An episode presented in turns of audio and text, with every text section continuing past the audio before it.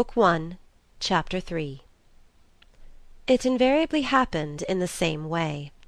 Mrs. Julius Beaufort, on the night of her annual ball, never failed to appear at the opera; indeed she always gave her ball on an opera night in order to emphasize her complete superiority to household cares, and her possession of a staff of servants competent to organize every detail of the entertainment in her absence.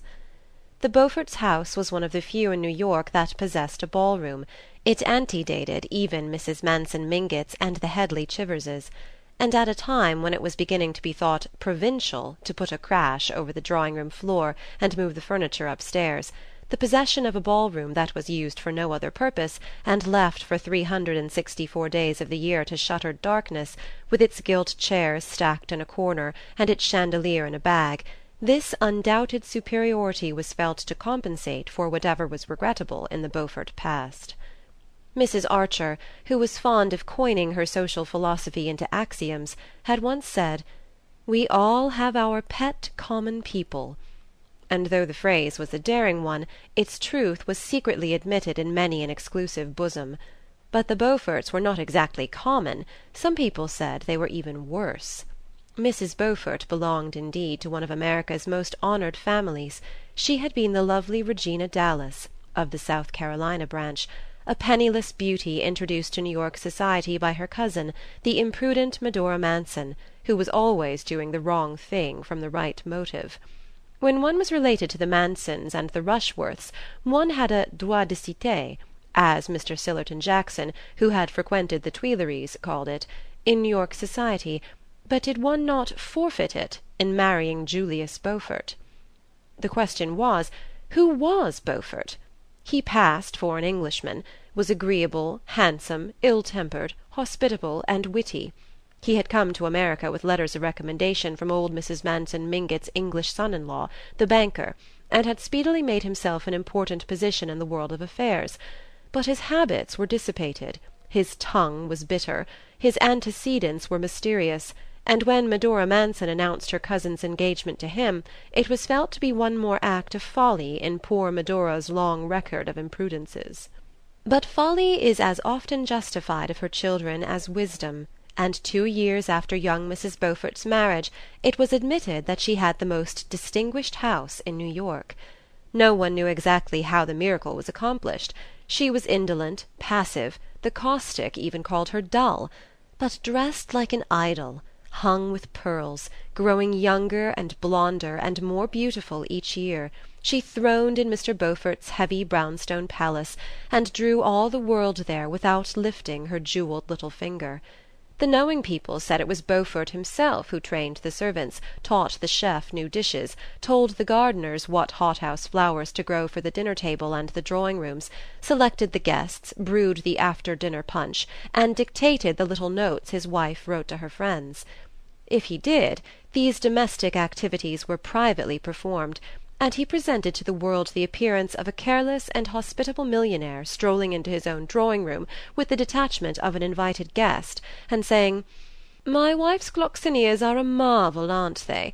I believe she gets them out from Kew." Mr. Beaufort's secret, people were agreed, was the way he carried things off. It was all very well to whisper that he had been "helped" to leave England by the international banking house in which he had been employed; he carried off that rumour as easily as the rest, though New York's business conscience was no less sensitive than its moral standard.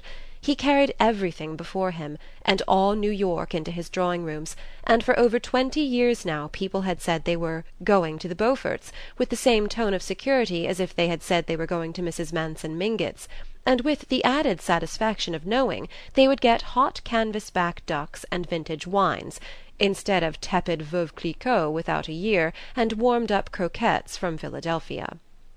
Mrs. Beaufort, then, had as usual appeared in her box just before the Jewel song, and when, again as usual, she rose at the end of the third act, drew her opera cloak about her lovely shoulders and disappeared, New York knew that meant that half an hour later the ball would begin.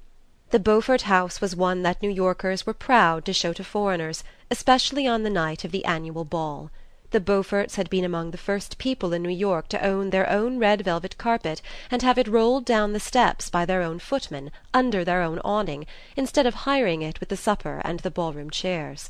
They had also inaugurated the custom of letting the ladies take their cloaks off in the hall, instead of shuffling up to the hostess's bedroom and recurling their hair with the aid of the gas burner. Beaufort was understood to have said that he supposed all his wife's friends had maids who saw to it that they were properly coiffées when they left home.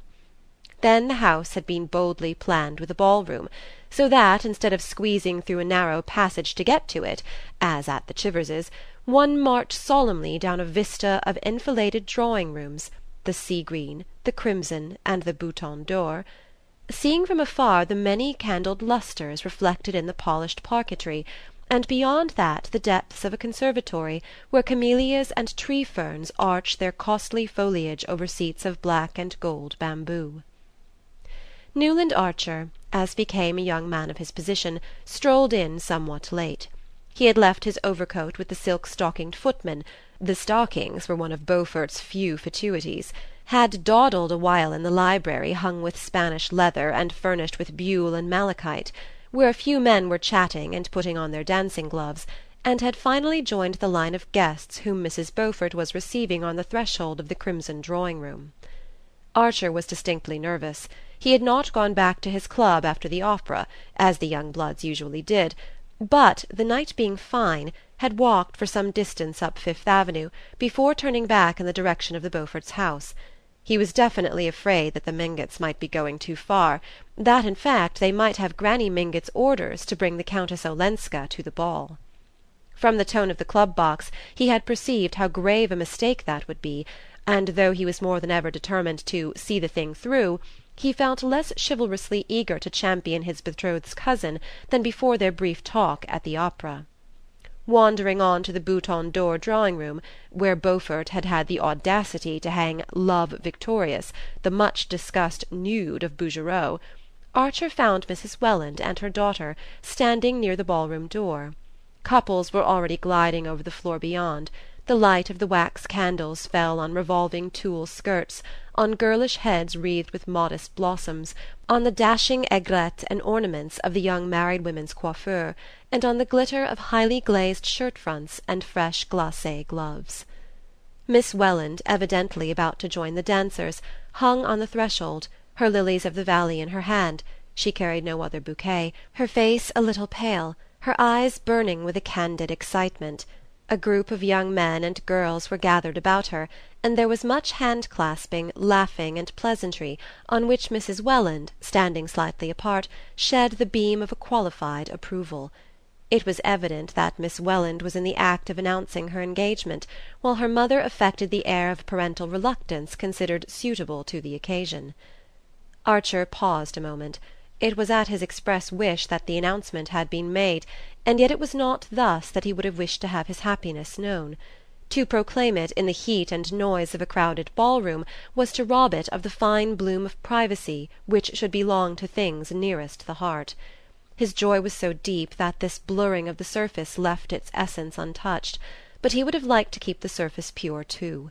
It was something of a satisfaction to find that May Welland shared this feeling. Her eyes fled to his beseechingly, and their look said, "Remember! We're doing this because it's right." No appeal could have found a more immediate response in Archer's breast, but he wished that the necessity of their action had been represented by some ideal reason and not simply by poor Ellen Olenska. The group about Miss Welland made way for him with significant smiles, and after taking his share of the felicitations he drew his betrothed into the middle of the ball-room floor and put his arm about her waist. "Now we shan't have to talk," he said, smiling into her candid eyes, as they floated away on the soft waves of the blue Danube. She made no answer. Her lips trembled into a smile, but the eyes remained distant and serious, as if bent on some ineffable vision. "Dear," Archer whispered, pressing her to him. It was borne in on him that the first hours of being engaged, even if spent in a ball-room, had in them something grave and sacramental. What a new life it was going to be! with this whiteness, radiance, goodness at one's side. The dance over, the two, as became an affianced couple, wandered into the conservatory, and sitting behind a tall screen of tree ferns and camellias Newland pressed her gloved hand to his lips. "You see I did as you asked me to," she said. "Yes, I couldn't wait," he answered, smiling. After a moment he added: "Only I wish it hadn't had to be at a ball." "Yes, I know." She met his glance comprehendingly. "But after all, even here we're alone together, aren't we?" "Oh dearest always!" Archer cried. Evidently she was always going to understand, she was always going to say the right thing. The discovery made the cup of his bliss overflow, and he went on gaily: "The worst of it is that I want to kiss you, and I can't." As he spoke he took a swift glance about the conservatory, assured himself of their momentary privacy, and catching her to him laid a fugitive pressure on her lips. To counteract the audacity of this proceeding he led her to a bamboo sofa in a less secluded part of the conservatory, and sitting down beside her broke a lily of the valley from her bouquet. She sat silent, and the world lay like a sunlit valley at their feet. "Did you tell my cousin Ellen?" she asked presently as if she spoke through a dream. He roused himself and remembered that he had not done so. Some invisible repugnance to speak of such things to the strange foreign woman had checked the words on his lips. "No, I hadn't the chance after all," he said, fibbing hastily. "Ah!" She looked disappointed, but gently resolved on gaining her point. "You must then, for I didn't either, and I shouldn't like her to think "Of course not. But aren't you after all the person to do it?" She pondered on this. "If I'd done it at the right time, yes. But now that there's been a delay I think you must explain that I'd asked you to tell her at the opera before our speaking about it to everybody here. Otherwise she might think I had forgotten her. You see she's one of the family, and she's been away so long that she's rather sensitive." Archer looked at her glowingly. "Dear and great angel! Of course I'll tell her." He glanced a trifle apprehensively toward the crowded ballroom. "But I haven't seen her yet. Has she come?" "No; at the last minute she decided not to." "At the last minute?" he echoed, betraying his surprise that she should ever have considered the alternative possible. "Yes, she's awfully fond of dancing," the young girl answered simply. "But suddenly she made up her mind that her dress wasn't smart enough for a ball, though we thought it so lovely and so my aunt had to take her home." "Oh well," said Archer with happy indifference. Nothing about his betrothed pleased him more than her resolute determination to carry to its utmost limit that ritual of ignoring the unpleasant in which they had both been brought up. "She knows as well as I do," he reflected, "the real reason of her cousin's staying away but I shall never let her see by the least sign that I am conscious of there being a shadow of a shade on poor Ellen Olenska's reputation."